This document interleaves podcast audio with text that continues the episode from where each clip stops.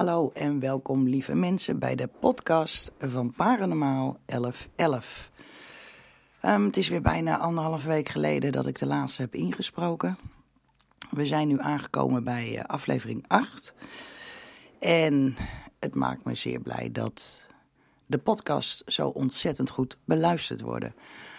Um, tot nu toe is dit geheel uh, op vrijblijvende basis. Ik krijg er niet voor betaald en ik doe ook niet aan advertenties.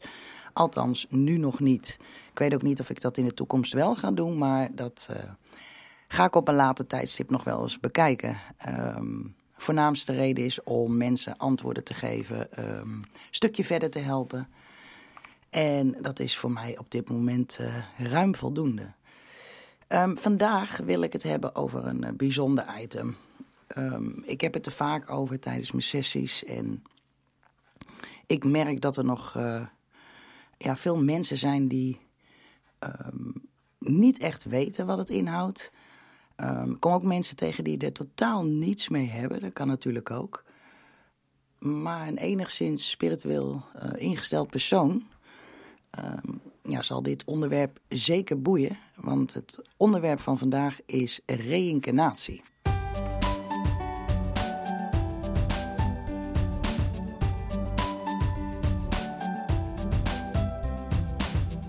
Ja, en wat is reïncarnatie dan precies? Nou, laten we eerst uh, vooropstellen dat het belangrijk is om te weten dat het het meest bekendst is in, uh, in het Hindoeïsme en het Boeddhisme. En ook daar hoor, zitten uh, ja, verschillen tussen. Um, ik heb ooit de Bijbel gelezen en ik kom daar toch ook dingen tegen dat ik denk van ja, um, ook daar hebben ze het, uh, het zijn niet direct, maar wel indirect over reïncarnatie. Kijk, en dan krijg je natuurlijk heel veel vragen. Ja, hebben wij wel eerder geleefd? Komen we weer terug? Um, nou, voor de, ja, het grootste deel denk ik wel nou, in ieder geval een groot deel in het Westen en natuurlijk in Azië, um, zijn mensen ervan overtuigd dat wij weer terugkomen. Ik wil dit onderwerp ook um, in dit geval meer benaderen. Um, ja, wel met een aantal feiten, maar ook vanuit mijn ervaring wat ik, uh, wat ik heb meegemaakt.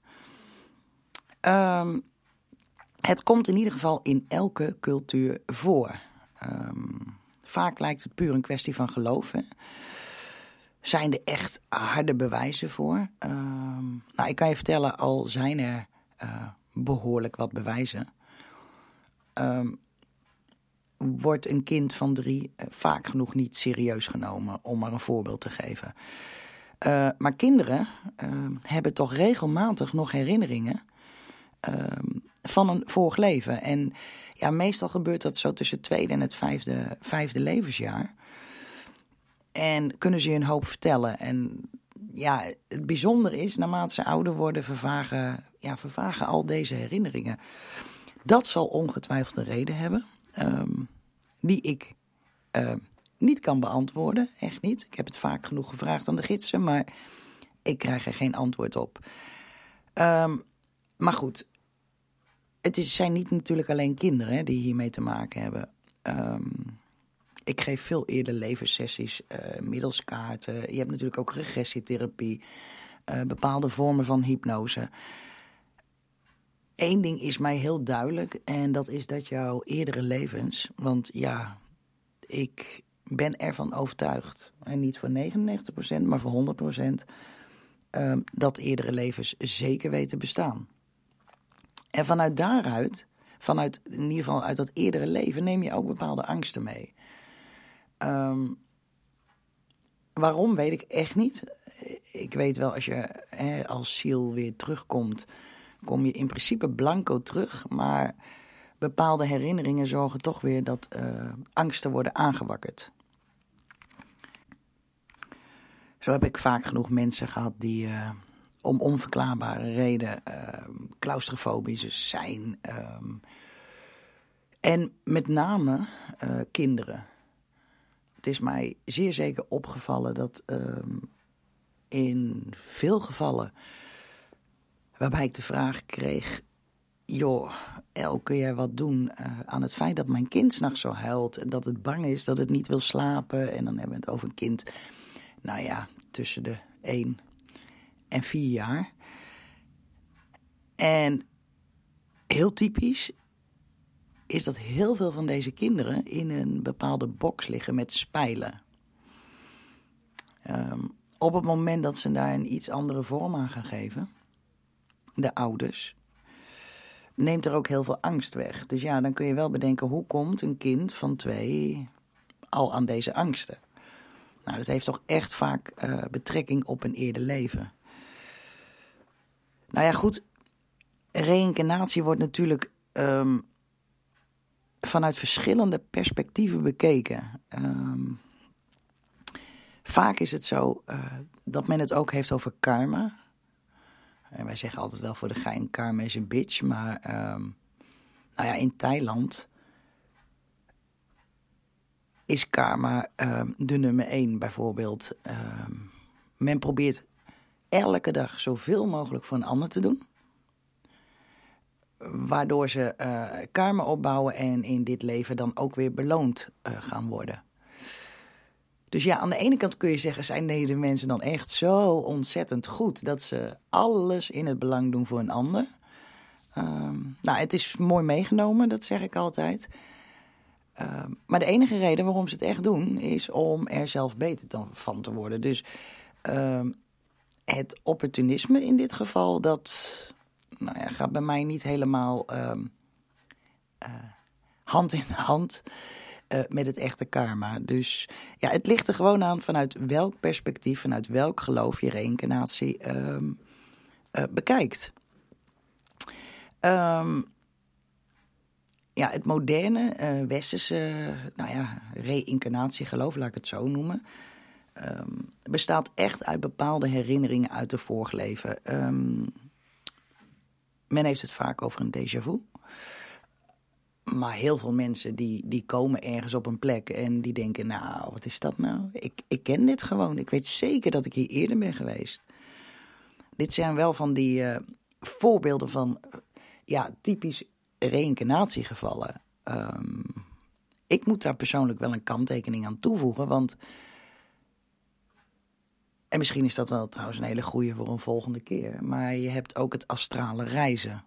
En dat... Um, heb ik persoonlijk meegemaakt. Dus ook daarvan weet ik duizend procent zeker dat dat bestaat.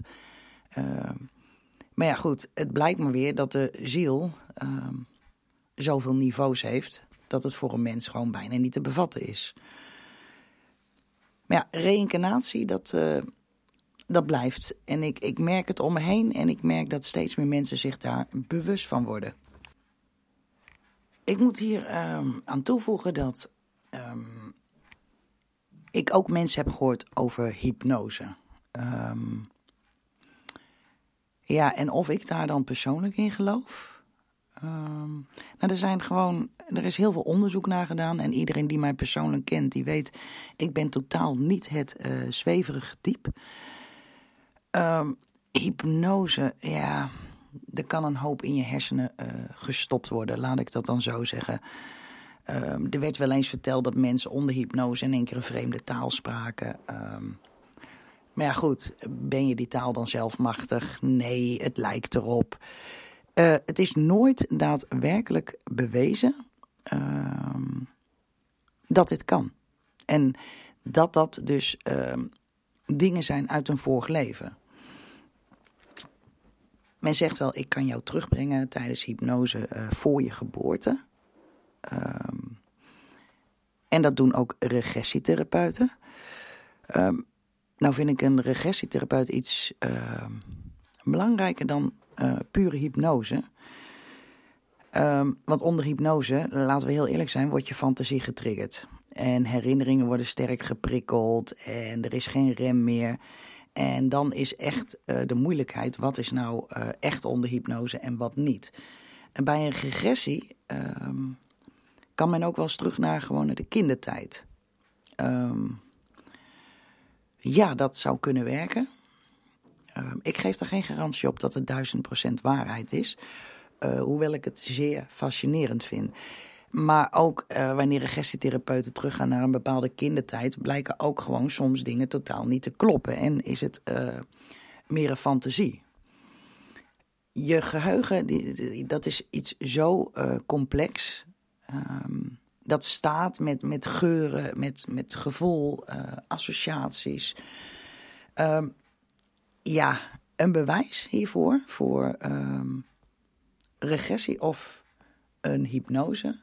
Nou ja, heb ik dus absoluut niet. Dus dat is wel een, een ding om rekening mee te houden wanneer je echt terug wilt uh, en wil weten wat je vorig leven, uh, wat er gebeurd is, wat er was. Um, nou, zoek dan een heel goed medium op. En ik denk dat je daar um, vaak meer baat bij hebt. Nou, zo zijn er ook heel veel mensen die denken van... Um, ja, ik kom terug. Um, dus ik moet wat uh, goed maken. En dat zijn er echt uh, ontzettend veel. En eigenlijk uh, is het niets meer of minder dan dat iemand denkt: Nou, ik doe nu maar goed, want dan kom ik niet in de hel. Um, het vervelende is, en daarbij wil ik geen enkel geloof onderuit halen, want iedereen is vrij om te geloven wat hij of zij wilt. En ja, als je het echt aan mij vraagt, er is één hogere macht en hoe je die nou ook noemt, of je die nou Allah noemt, of God, of wie dan ook. Um, ja, er is wel een hogere macht. Dat kun je gewoon zien aan de bomen. Je kan het gewoon zien aan het leven zelf. En dan denk ik, ja, um, alleen maar goed maken. Om uh, later niet in de hel te belanden of een ander rotleven te krijgen. Ik denk dat deze mensen de plank finaal hebben misgeslagen. Wanneer je licht in je leven toelaat, uh, heeft dat een hele andere frequentie dan wanneer je vanuit opportunisme gaat denken aan karma. Um, ik vanuit mijn vorig leven, ik kan me er sowieso twee herinneren. En dan echt niet alles hoor. Ik kan me echt flarden herinneren. Eén was in een oorlog. En één was in een eh, enorm tijdperk terug. Dus het zijn er op zich ook maar twee. Uh, mijn laatste leven staat. Ja. Heeft wel gezorgd in het verleden voor behoorlijk wat angsten. Uh, maar goed, ik ben, kan me daarbij neerleggen, want ik weet waar dat aan ligt. Um, en het heeft niks te maken met uh, fantasie. Dit was een uh, erg gegronde angst. Um, nou ja, reïncarnatie, het wordt al jaren betwist, het wordt al eeuwen betwist. En um, volgens mij is reïncarnatie al zo oud als de wereld. Want alles wat we weten zit in ons hoofd. En men vraagt van hoe kunnen de herinneringen van een stervende in een ongeboren kind terechtkomen? Um, en met name, dat is mij ook gevraagd, wat als iemand nou Alzheimer heeft? Daar wil ik dan wel op doorgaan. En dat is puur vanuit um, mijn sessies met mensen. Um, nou, zoals jullie weten is dat niet, uh, zijn het geen tien sessies. Uh, maar duizenden sessies. Op het moment dat je komt overlijden, heb je een korte periode, korte periode onze tijd, laat ik het dan zo zeggen, nodig om te herstellen van wat er uh, geweest is. Eh, wat er gebeurd is in je vorig leven, et cetera. Daarna ben je liefde en licht. En ik heb er geen andere verklaring voor. Men vraagt altijd aan mij: zie jij dan overledenen uh, zoals ze eruit zien? Nou, heel soms wel. Meestal zie ik ze echt alleen maar in kleur. En dat zijn inderdaad echt hele mooie kleuren. Uh, het maakt dus niet uit of iemand een ziekte had of dat iemand zeer slecht was. Uh, je hebt een periode om te herstellen en dan ga je door en dan is het jouw keus. Kom je terug om te leren of ga je een stapje verder? En dat is een complete transformatie. Ik weet zeker dat er nu mensen zijn die, die zullen twijfelen aan uh, wat ik zeg. Maar toch heb ik gelukkig middels mijn sessie heel veel bewijs kunnen leveren. Um, en ik kan je wel vertellen, het haalt bij heel veel mensen de angst voor het doodgaan weg. En ik denk dat dat laatste misschien nog wel het belangrijkste is. Um, wij geven het een perceptie zoals wij denken dat het zou zijn. Ehm, dat, is, dat, dat onmogelijk. Wij gebruiken 3% van onze hersenen. Nou, wat zou er gebeuren als die andere 97% compleet zichtbaar waren? Nou, misschien moet je die vraag maar eens ja, afvragen want, en jezelf stellen. Want het allesomvattende uh, is voor de mensheid uh, nog lang niet op zo'n niveau. Ik weet ook niet, en dat moet ik eerlijk bekennen, of dat ooit de bedoeling gaat zijn. We kunnen wel heel realistisch kijken en bedenken van nou, goh, uh, ehm, 30 jaar geleden waren er nog geen mobiele telefoons. We wisten niet eens dat het bestond. Ehm, het streamen, om maar een voorbeeld te noemen. Nou, alles eigenlijk in de wereld, het internet. Dat alles bestond nog niet. En als je dan ziet hoe ver we nu zijn gekomen qua intelligentie. Ja, en dan kun je toch afvragen, die intelligentie komt ergens vandaan. Ik ben dan ook van mening dat uh, bijvoorbeeld Einstein al lang is gereïncarneerd. Ik bedoel, ze hebben een bepaalde gave, talent om dingen te doorzien. Maar goed, het kan op zoveel manieren en ik kan daar geen bewijs uh, over geven. Dus ja, dat laat ik liever in het midden hoe jij dat wil bekijken. Ik weet alleen wanneer ik uh, contact maak met een overleden persoon, uh, dat ze me beelden laten zien. Ehm, en hoe ziek ze ook waren, bijvoorbeeld. Daar is op dat moment niks meer van aan de orde.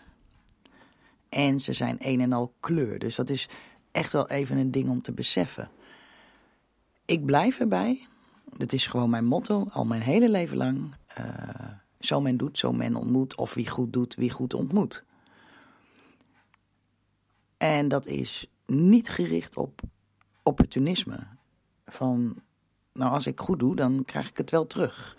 Nee, ik ben van mening, um, als ik goed doe voor jou, hoef jij absoluut niet goed te doen voor mij. Maar hoogstwaarschijnlijk gaat het wel verder en doe je goed voor een ander. Nou, als dat cirkeltje rond is, ja, nou ja, dan zou je een veel betere wereld hebben. Maar dan mag het opportunisme geen rol spelen en dan moet het puur vanuit liefde zijn. Gebeurt. Um,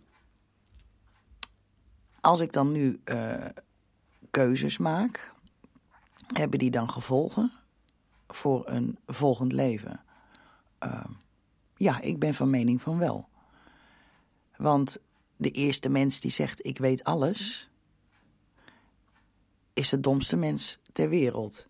Elke dag leer je. En nogmaals, we bezitten 3% capaciteit van onze hersenen. daar kunnen we bij komen. Bij de andere 97% totaal niet. Dus um, we leren elke dag. Wat? Elke minuut. Je hersenen leren, je lichaam leert. En ja, de keuze die je maakt, ja, ik denk als je nog niet helemaal uitgeleerd bent, dat je weer net zo hard terugkomt. En dat je dat dan ook zelf heus wel wilt leren. Um, maar wij zien onszelf als individu. Als je in de spiegel kijkt, zie je een spiegelbeeld van jezelf. Uh, maar dat is niet het ik. Dat is niet je ziel. Het is het omhulsel. Het zijn je organen. Het is een lichaam. Het is een omhulsel. Het is totaal niet de ziel. Um, wanneer je echt bij je ziel komt, dan kun je ook um, heel goed onderscheiden dat ook jouw hersenen een orgaan zijn. En dat jouw gedachten niet uh, jou zijn.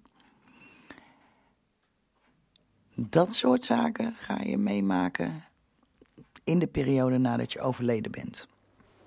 Um, als je hier een voorproefje van wilt hebben, raad ik je echt diep aan om te gaan mediteren.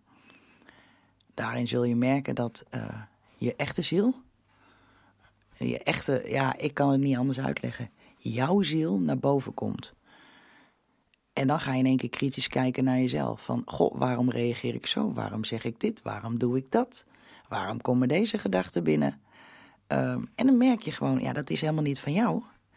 Maar je hersenen zijn gewoon aan het werk. Die zijn nog bezig met alle indrukken te verwerken. Ehm, de meeste mensen zullen ook echt ehm, denken van. Ehm, de keuzes die je maakt hebben invloed. Uh, je ziel heeft ervoor gekozen om hier weer te zijn. Uh, de ziel wil alle menselijke ervaringen meemaken. Om zo tot een volledig inzicht en volledige acceptatie van het mens zijn te komen. Uh, op deze manier denken heel veel mensen over reïncarnatie.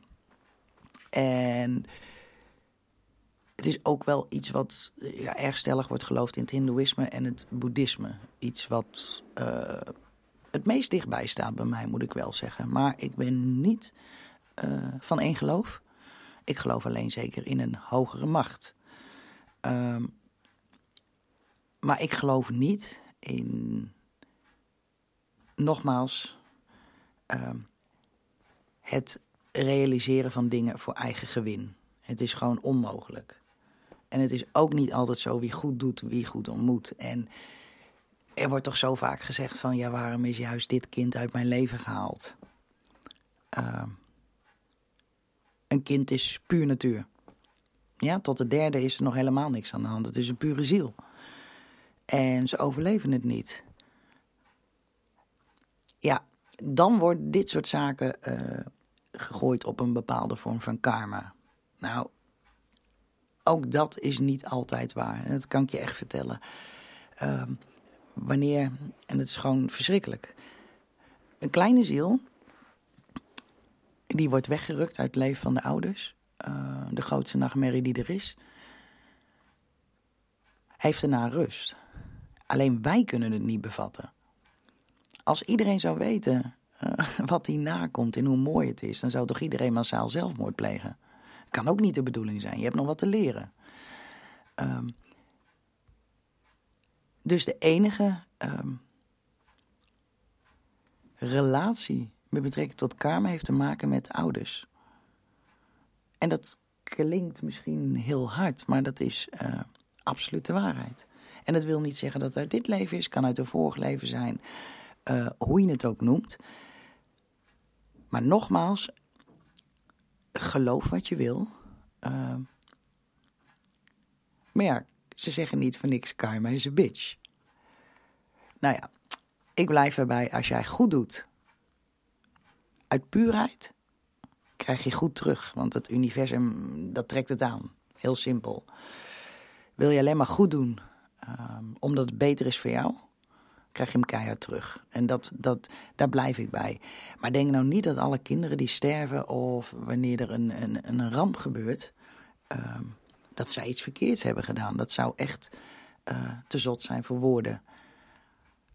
Als je bedenkt en ook echt kan bedenken, mijn kind is nu op de beste plek die er is. En misschien komt het ooit op een andere vorm in mijn leven terug. Nou, dan ben je al een heel eind in je acceptatie de pijn blijft alleen maar voor ons, hè? voor de nabestaanden. En iets anders is het niet.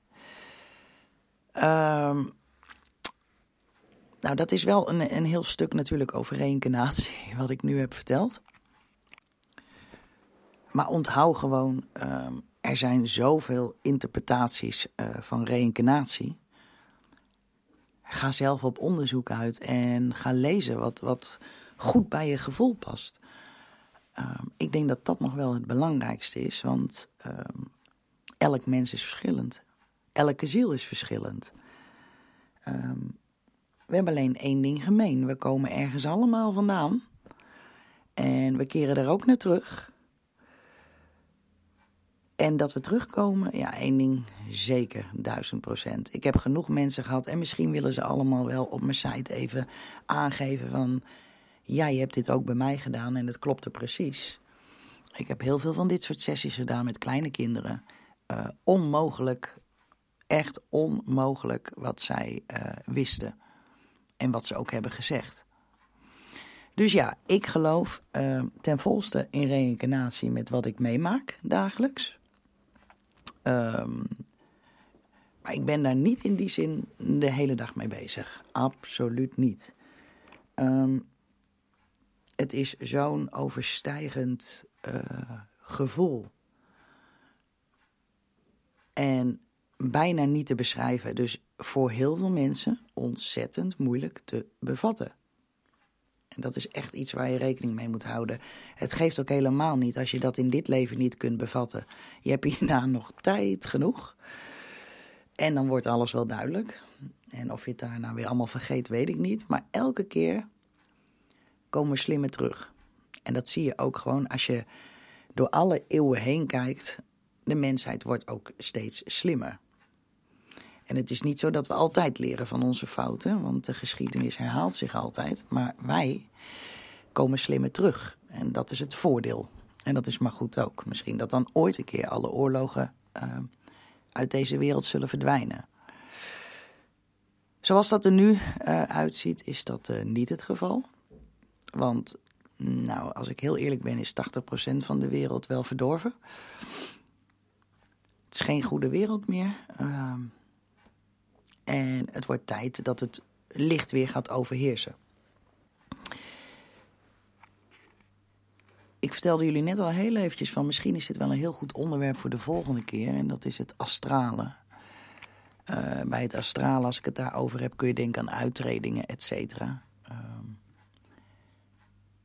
ik weet wel, ik heb ooit een boek gelezen. Misschien heb ik dat al wel een keer verteld over de Celestijnse belofte. Ik heb geen flauw idee. Volgens mij had ik hem in aflevering 1 of zo behandeld.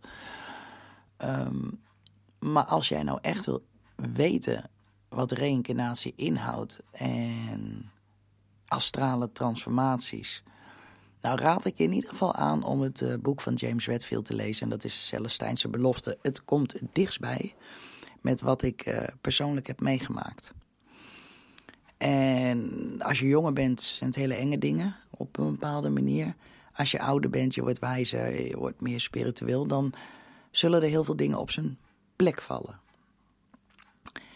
Zo wil ik deze week ook nog even aandacht besteden aan een boek. Um, dan heb ik het niet over de Celestijnse belofte. Maar ik wil zeker even een, uh, een boek behandelen. Heb je nog vragen over reïncarnatie of ja, loop je tegen dingen aan die daarmee te maken hebben? Hij stuur gerust een mail naar uh, info.paranormaal1111.nl.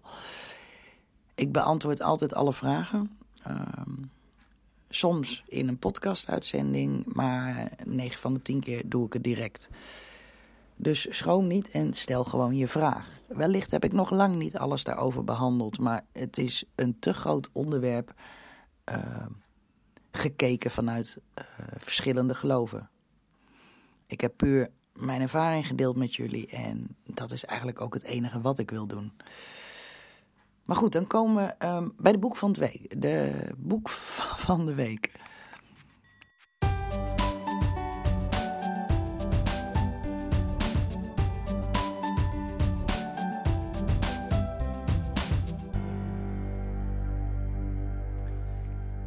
Misschien kan ik beter zeggen uh, boek van de maand. Um, maar ja, omdat we het nou toch over reïncarnatie hadden en over astrale uh, gebeurtenissen. Daar ga ik absoluut in de volgende uitzending op door. Want ik denk dat dat wel iets is wat um, heel veel van jullie zal liggen. Um, een aanrader. Het is tevens een bestseller, absoluut. Misschien ken je hem, misschien ken je hem niet. Het is wel een dik boek. Dat moet ik er wel bij vermelden. Um, het boek heet De Meesters van het Verre Oosten. En dat is van T. Spalding.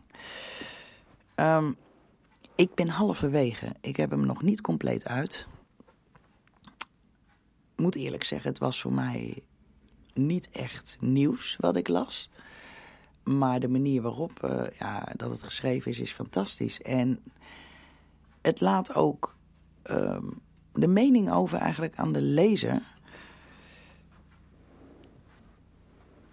het gaat erover dat ze in 1924. Uh, dat, nee, dat was eerder. Maar in 1924 is het uitgekomen, geloof ik. Um, ze waren in, in de 19e eeuw, eind 19e eeuw, hebben ze een expeditie gedaan um, in de Himalaya. En daar ontmoet de schrijver ja, en zijn kameraden um, de meesters van de Himalaya ze worden in het boek wel uh, onsterfelijke wezens genoemd. Hè? Verrichten wonderbaarlijke daden. Uh, maar ze slaan zeker een brug tussen het christendom en het boeddhisme. En ik moet wel heel eerlijk zeggen, dit is precies de manier waar ik uh, tot nu toe, ik heb, ben halverwege, kijk naar deze wereld. Er is een hogere macht en hoe je het ook wil noemen. Ehm, volgens hun filosofie uh, vertegenwoordigt Boeddha de weg uh, naar verlichting. Terwijl uh, Jezus Christus de verlichting zelf belichaamt. Ja, het is enerzijds een redelijk zwaar boek. En ik kan me zo voorstellen, als je daar niet aan toe bent, dat het misschien wat lastiger wegleest.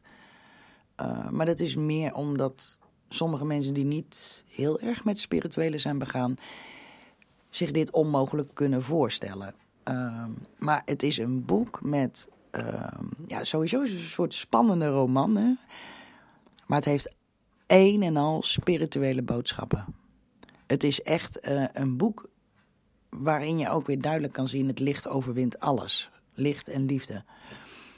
Het is zeker een aanrader om je uh, te verdiepen in het spirituele, om meer antwoorden te krijgen ik moet heel eerlijk zeggen, in combinatie met meditatie ja, is dit echt een fantastisch boek om, uh, om te gaan lezen.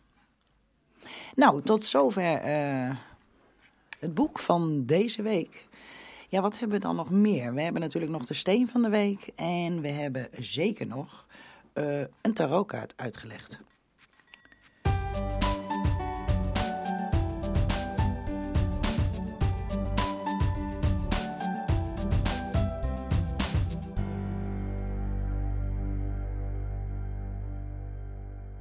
De steen van de week. Nou, ik heb deze week een bijzondere steen. Um, ook een steen die ik altijd in mijn assortiment heb.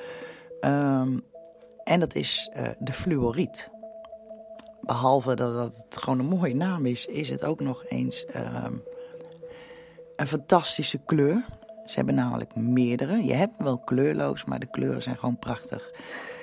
Um, de naam van uh, fluoriet uh, is afkomstig van het uh, Latijnse werkwoord fluere, dat stromen, vloeien betekent. Um, het element van fluor um, is in 1886 ontdekt en ontleent zijn naam aan fluoriet. Nou, waar vind je deze steen hoofdzakelijk? En dat kan ik je wel vertellen, dat is Brazilië, India, Madagaskar, Pakistan. Maar vergis je niet, China heeft ontzettend veel fluoriet. Um, het kan de kleuren paars, groen, blauw, geel, roze hebben. Het kan zelfs kleurloos zijn. Um, ze kunnen oneffen hebben. Dat is ook een dingetje. Sommige stenen niet, maar deze zeer zeker wel. Ook als ze uh, getrommeld zijn. Maar ja, wat doet die steen nou? Um, nou, als we even naar kijken naar het algemene van de fluoriet. Um, en het algemeen, um, nou ja, daar kom ik zo meteen wel op, op terug. Dit zit dus in elke fluoriet, maar dan heb je een kleur die nog bepaalt wat het exact doet. Het is een beschermende steen, um, absorbeert ook negatieve energie en beschermt tegen energie, uh, negatieve energie. Maar een ander dingetje van deze steen is dat hij ook werkt tegen de negatieve straling van telefoons en computers. Dus dat is niet geheel verkeerd om zo'n steen op je nachtkastje te hebben als je jouw telefoon um, ergens s'nachts op je bed laat liggen, zoals ik vroeger deed. En nu ook niet meer. Um, fluoriet maakt het hoofd uh, vrij helder. Um, je krijgt minder ruis, minder verstoringen. Dus uiteraard heb je dan ook gelijk een betere concentratie en het geheugen. Um, het brengt als het ware je hoofd meer in, eh, in balans met... Uh, als je te veel stress hebt, angst, spanning. Het helpt daar alle, allemaal voor. Sommige uh, fluoriet... die werken heel precies... En dan kan ik je wel zeggen dat uh, afhankelijk is van de kleur. Maar heb je nou bijvoorbeeld een groene fluoriet, die is gewoon fantastisch uh, tegen bronchitis, uh, griep, longontsteking. in sommige gevallen ook echt tegen reuma. Ehm, maar dat is de groene. Ik begin even met de blauwe. Blauw is, moet ik zeggen, zeker ook wat prijziger. Het heeft een zeer positief effect op de hersenen. Um, en dat is wel heel belangrijk voor mensen uh, die last hebben van uh, eh, KNO-klachten, laat ik het dan zo zeggen. Ik heb deze steen uh, veelal gegeven aan mensen die last hebben van oorzuizen. Ehm, maar ook last hebben van keelklachten, spraakproblemen, een vorm van heesheid. de blauwe fluoriet werkt daar echt perfect voor. En dan spreek ik echt uit ervaring. Het is zelfs zo als je deze steen vasthoudt tussen je vingers. Um, op een gegeven moment wordt die steen super zwaar. Ik heb dat tot nu toe uh, bijna alleen nog maar gehad met blauwe fluoriet. Maar het is echt bizar hoe goed deze steen werkt. Nou ja, ik had het net al over uh, groene fluoriet. die werkt dus beschermend. goed wanneer je last hebt van de longen, et cetera. Maar groene, groene fluoriet uh, helpt er ook voor dat mensen verslavingen los kunnen laten. En het werkt bloeddrukverlagend. Dus absoluut een, een super fijne steen. Um, nou, dan heb je ook nog uh, paarse fluoriet. En dit wordt heel vaak verward met amethyst. Want het lijkt echt als twee druppels op amethyst. Want als ik ze naast elkaar heb en ik heb hem ruw, amethyst en fluoriet, nou, ik kan je echt vertellen, soms zie je bijna geen onderscheid. Uh, maar dit is natuurlijk ook het paarse, het zelfgenezende vermogen. dat werkt vrijwel hetzelfde. Je hebt natuurlijk uh, ook nog gele fluoriet, die heb ik uh, nooit en die gebruik ik ook niet. Maar dat stimuleert creativiteit en fantasie. En dat vergroot zeker je oplossende vermogen. Um, dus dat is echt wel ik denk inherent aan, aan de chakra's ook, als je het zo wil bekijken. Um, als laatste roze fluoriet. Die vind ik. Uh, ja, is wel een hele goeie, maar ik heb hem zelf niet. Maar die helpt ontzettend verlichtend bij mentale belasting. Uh, dus bedenk ook, hè, mensen met een burn-out. En je hebt roze fluoriet, die kan echt veel goeds voor je betekenen. Wat heb ik nou wel? Ik heb um, heel veel regenboogfluoriet. Ik kijk er nou naar. Ik heb van die staafjes. En daar zitten alle kleuren uh, die fluoriet heeft in. Behalve geel zie ik. Uh, maar de regenboogfluoriet, of de multicolor fluoriet... Uh, ja, die reinigt en versterkt de uh, aura. Brengt alle chakras in balans. Deze zijn met name heel erg goed voor mensen met uh, psychische aanvallen. En denk daarbij aan angststoornissen, straatvrees, etc. Het geeft een, uh, een enorm uh, stuk zelfvertrouwen. Dus ja, als je die wel ziet, ik weet, deze kun je toevallig per staafje bij AliExpress bestellen voor 5 euro. En dan is het wel de echte fluoriet. En hoe merk je dat? Als je zo'n staafje laat vallen, dan valt hij ook kapot. Want fluoriet is niet zo heel uh, sterk in dit geval. Die kunnen ook licht gaan verkleuren. Dus rustig afspoelen of niet. Leg hem anders gewoon tegen een cellen niet aan om weer op te laden. Nou, tot zover de steen van de week. En dan gaan we eens even kijken.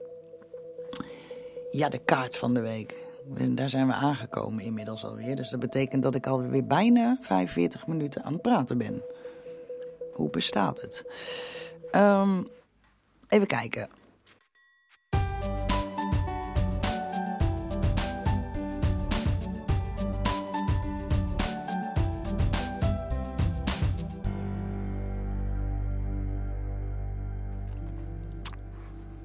Dan komen we bij, moet ik even denken, dus aflevering 8. Komen de volgende kaart. Oh ja, natuurlijk, de zegenwagen komen aan. De zegenwagen, de kaart van de tarot. Laten we eens even kijken. Het is trouwens een bijzondere kaart. Dan zijn we alweer een heel eind, zie ik. Um, we zitten bijna op de helft al van de grote arcana. En hoe dan ook wil ik de hele grote arcana besproken hebben. Dat wil zeggen dat er nog aardig wat afleveringen gaan komen.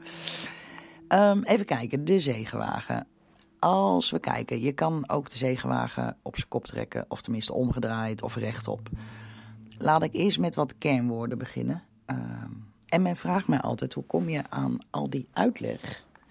Want in mijn boek staat wat anders. En laat me je dit vertellen. Ehm, ik heb zes boeken en alle zes vrijwel verschillend. Naarmate je ehm, meer kaartleggingen doet en je houdt netjes alles bij, zoals ik jarenlang gedaan heb, dan weet je op een gegeven moment vanzelf, ehm, met alle aantekeningen die je hebt gemaakt, die heb ik ook samengevat en die ben ik helemaal gaan uitwerken. Dan kom je uh, behoorlijk uh, overeen als je een kaart legt met de beschrijvingen zoals ik ze geef. Rechtop uh, staat de zegenwagen voor, uh, nou dat kan ook niet anders, dat zal wel overal hetzelfde zijn. Dat is overwinning, ambitie en wilskracht. Um, een goede kanttekening hierbij is, um, heel belangrijk als die rechtop staat, wordt er echt op aangedrongen dat je niet moet opgeven. En dat je moet blijven geloven in je eigen kracht, want dat komt dan echt goed. Um, omgedraaid heeft hij een andere betekenis. Een deel daarvan klopt wel, van hey, je krijgt een conflict, je krijgt tegenslag, dus geen overwinning. Um, maar gebrek aan zelfbeheersing is een hele belangrijke. En mogelijk ook een slechtere gezondheid. Meest van de tijd staat dat niet in de boeken erbij, maar um, wel handig om te vermelden. Men kan uh, last krijgen van een griep of iets dergelijks. Het kan ook erger zijn, maar meest van de tijd sluit ik me voor hele ernstige dingen af. Dus is het uh, nou ja, vaak ongemak. Hoe lang dat blijft, uh, dat zie je niet. Er bestaat geen uh, wanneer. Laten we heel eerlijk zijn. Um, dus schrik nou niet gelijk als je eh, de zegenwagen omgedraaid trekt. Want je hebt nog verschillende andere kaarten. Um, even kijken. Als we um, even een klein beetje samenvatten. Hè. Hij staat in ieder geval voor rechtop genomen dan. En de kaart op zich. Voor een flinke sprong voorwaarts. de kaart staat ook voor een vrijheidsdrang. En ambitie. Uh,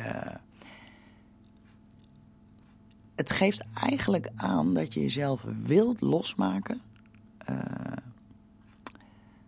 van de omgeving waar je nu in zit. En ik zei al, het is een bepaalde vrijheidsdrang. Uh, veel mensen die een eigen zaak willen gaan beginnen, die trekken ook deze kaart, om maar even een voorbeeld te geven. Maar ja, je ziet ook dat mensen uh, steeds meer groeien in hun bewustzijn. En daar staat de zegenwagenkaart ook absoluut voor. Um, maar je moet wel bepaalde vaardigheden hebben. Um, en onthoud dat je doorzettingsvermogen en je wilskracht heel belangrijk is bij deze kaart. Het komt je niet zomaar aanwaaien. Als je echt iets wil, zorg er dan voor dat je de vaardigheid bezit. Bezit je iets nog niet, zorg dat je eraan gaat werken. Um, want deze kaart kan ook wel eens advies geven. Um, afhankelijk van de kaarten eromheen. Hoor. Maar dat, dat mensen hun eigen krachten gaan overschatten. Ja, en hoogmoed komt voor de val, zeg ik altijd. Weet je, er is dan te weinig evenwicht. Um, en te zelfverzekerd is nooit goed. En ik blijf erbij, hè? los van deze kaart. Mensen die zeggen ik weet alles, zijn de domste mensen ter wereld. Zolang jij niet alles weet, en dat bestaat ook niet, is het goed om te vragen: maar waarom is dit zo en waarom is dat zo? Ga gewoon even terug naar je kindertijd, daar leer je het meest van. Um, in het werk, um, nou, geeft de zegenwagen altijd wel aan dat je een stap voorwaarts uh, gaat maken. Het kan een promotie zijn, uh, je succes uh, wat beloond wordt en misschien wil je een nieuwe baan. met een grotere verantwoordelijkheid of iets dergelijks. Um, onthoud altijd, wanneer je de zegenwagen trekt, op werkgebied, op relatiegebied, op welk gebied dan ook, in het algemeen. Er valt altijd nog wat te leren, dus wees niet al te zelfverzekerd. Dat is echt uh, het grootste advies van de, van de zegenwagen. als we kijken als laatste uh, ja, naar de liefdes, uh, de, de, de, relaties, zeg maar. Uh, ik ben er nooit zo kapot van als de zegenwagen in een relatie komt. Vaak staat hij namelijk, je gaat een nieuwe relatie aan. Dus nou, als je al een relatie hebt, is het natuurlijk niet zo fijn als je deze trekt. Hou altijd wel de andere kaarten in de gaten. Uh, en bij het begin van een nieuwe relatie um, wordt er dan vaak uh, wat makkelijker over gedacht. Dus dan weet je, dan ook weer oppassen, het niet te zelfverzekerd zijn, niet alles zomaar aannemen. Um, maar goed, 9 van de 10 keer als hij in een relatie komt, dan zorgt voor een frisse wind. En zo kun je die dan ook wel echt uh, ja, benoemen als je hem voor iemand anders legt. Nou, als ik dan nu even kijk, denk ik dat ik alle onderwerpen heb gehad voor vandaag. Hebben jullie nog leuke ideeën voor een, uh, een onderwerp? Of wil je dat ik een keer wat anders doe, net zoals tijdens een reading, in een, in een podcast? Laat het me dan gerust weten. Uh, ik sta overal voor open en vind het ook ontzettend leuk om te doen. Nou heb ik op mijn, in mijn Facebookgroep aangegeven na de achtste aflevering um, doe ik het even wat rustiger aan. Nou, ik kan je vertellen, hierna maak ik nog één aflevering en dan um, heb ik even een aantal weken vrij. Dat is puur vanwege de drukte die is geweest en privézaken die nog afgehandeld moeten worden. Dus uh, het is dan te druk om ook nog de podcast erbij te doen ik ga hem zeker weten weer oppakken. En ik ga gewoon werken aan een nieuwe podcast. De meeste doe ik een beetje in het voren. De onderwerpen, et cetera. De kaarten. Um, maar ja, goed. Ik werk het liefst zoals ik nou werk. Met uh, zo min mogelijk papier. Alleen een paar aantekeningen. Ik blijf erbij dat vanuit gevoel uh, beter werkt. Maar goed, ik moet mijn uh, energie even bewaren. Aangezien het ontzettend druk is geweest. Um, dus hierna komt er nog één. Binnen twee weken staat de volgende online. Alleen daarna zal het eventjes uh, vier weken rustig zijn. En daarna pak ik het weer met alle liefde op. Dus dan zijn jullie daar in ieder geval van op de hoogte. Dus nogmaals, heb je vragen over de podcast? Heb je ideeën? Uh, whatever, maakt niet uit. Uh, stuur me gewoon even een mailtje of uh, ga naar Facebook naar mijn groep Paranormaal 1111. En um, vraag wat je wilt vragen. Nou, tot zover deze aflevering. Um, nogmaals bedankt voor het luisteren. We hebben inmiddels 628 vaste luisteraars. Nou, ik vind het echt gewoon super.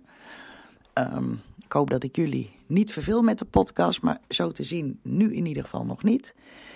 En we gaan kijken wat we in de toekomst uh, nog meer kunnen uitbreiden. Bedankt voor het luisteren en tot de volgende keer. Doei doeg!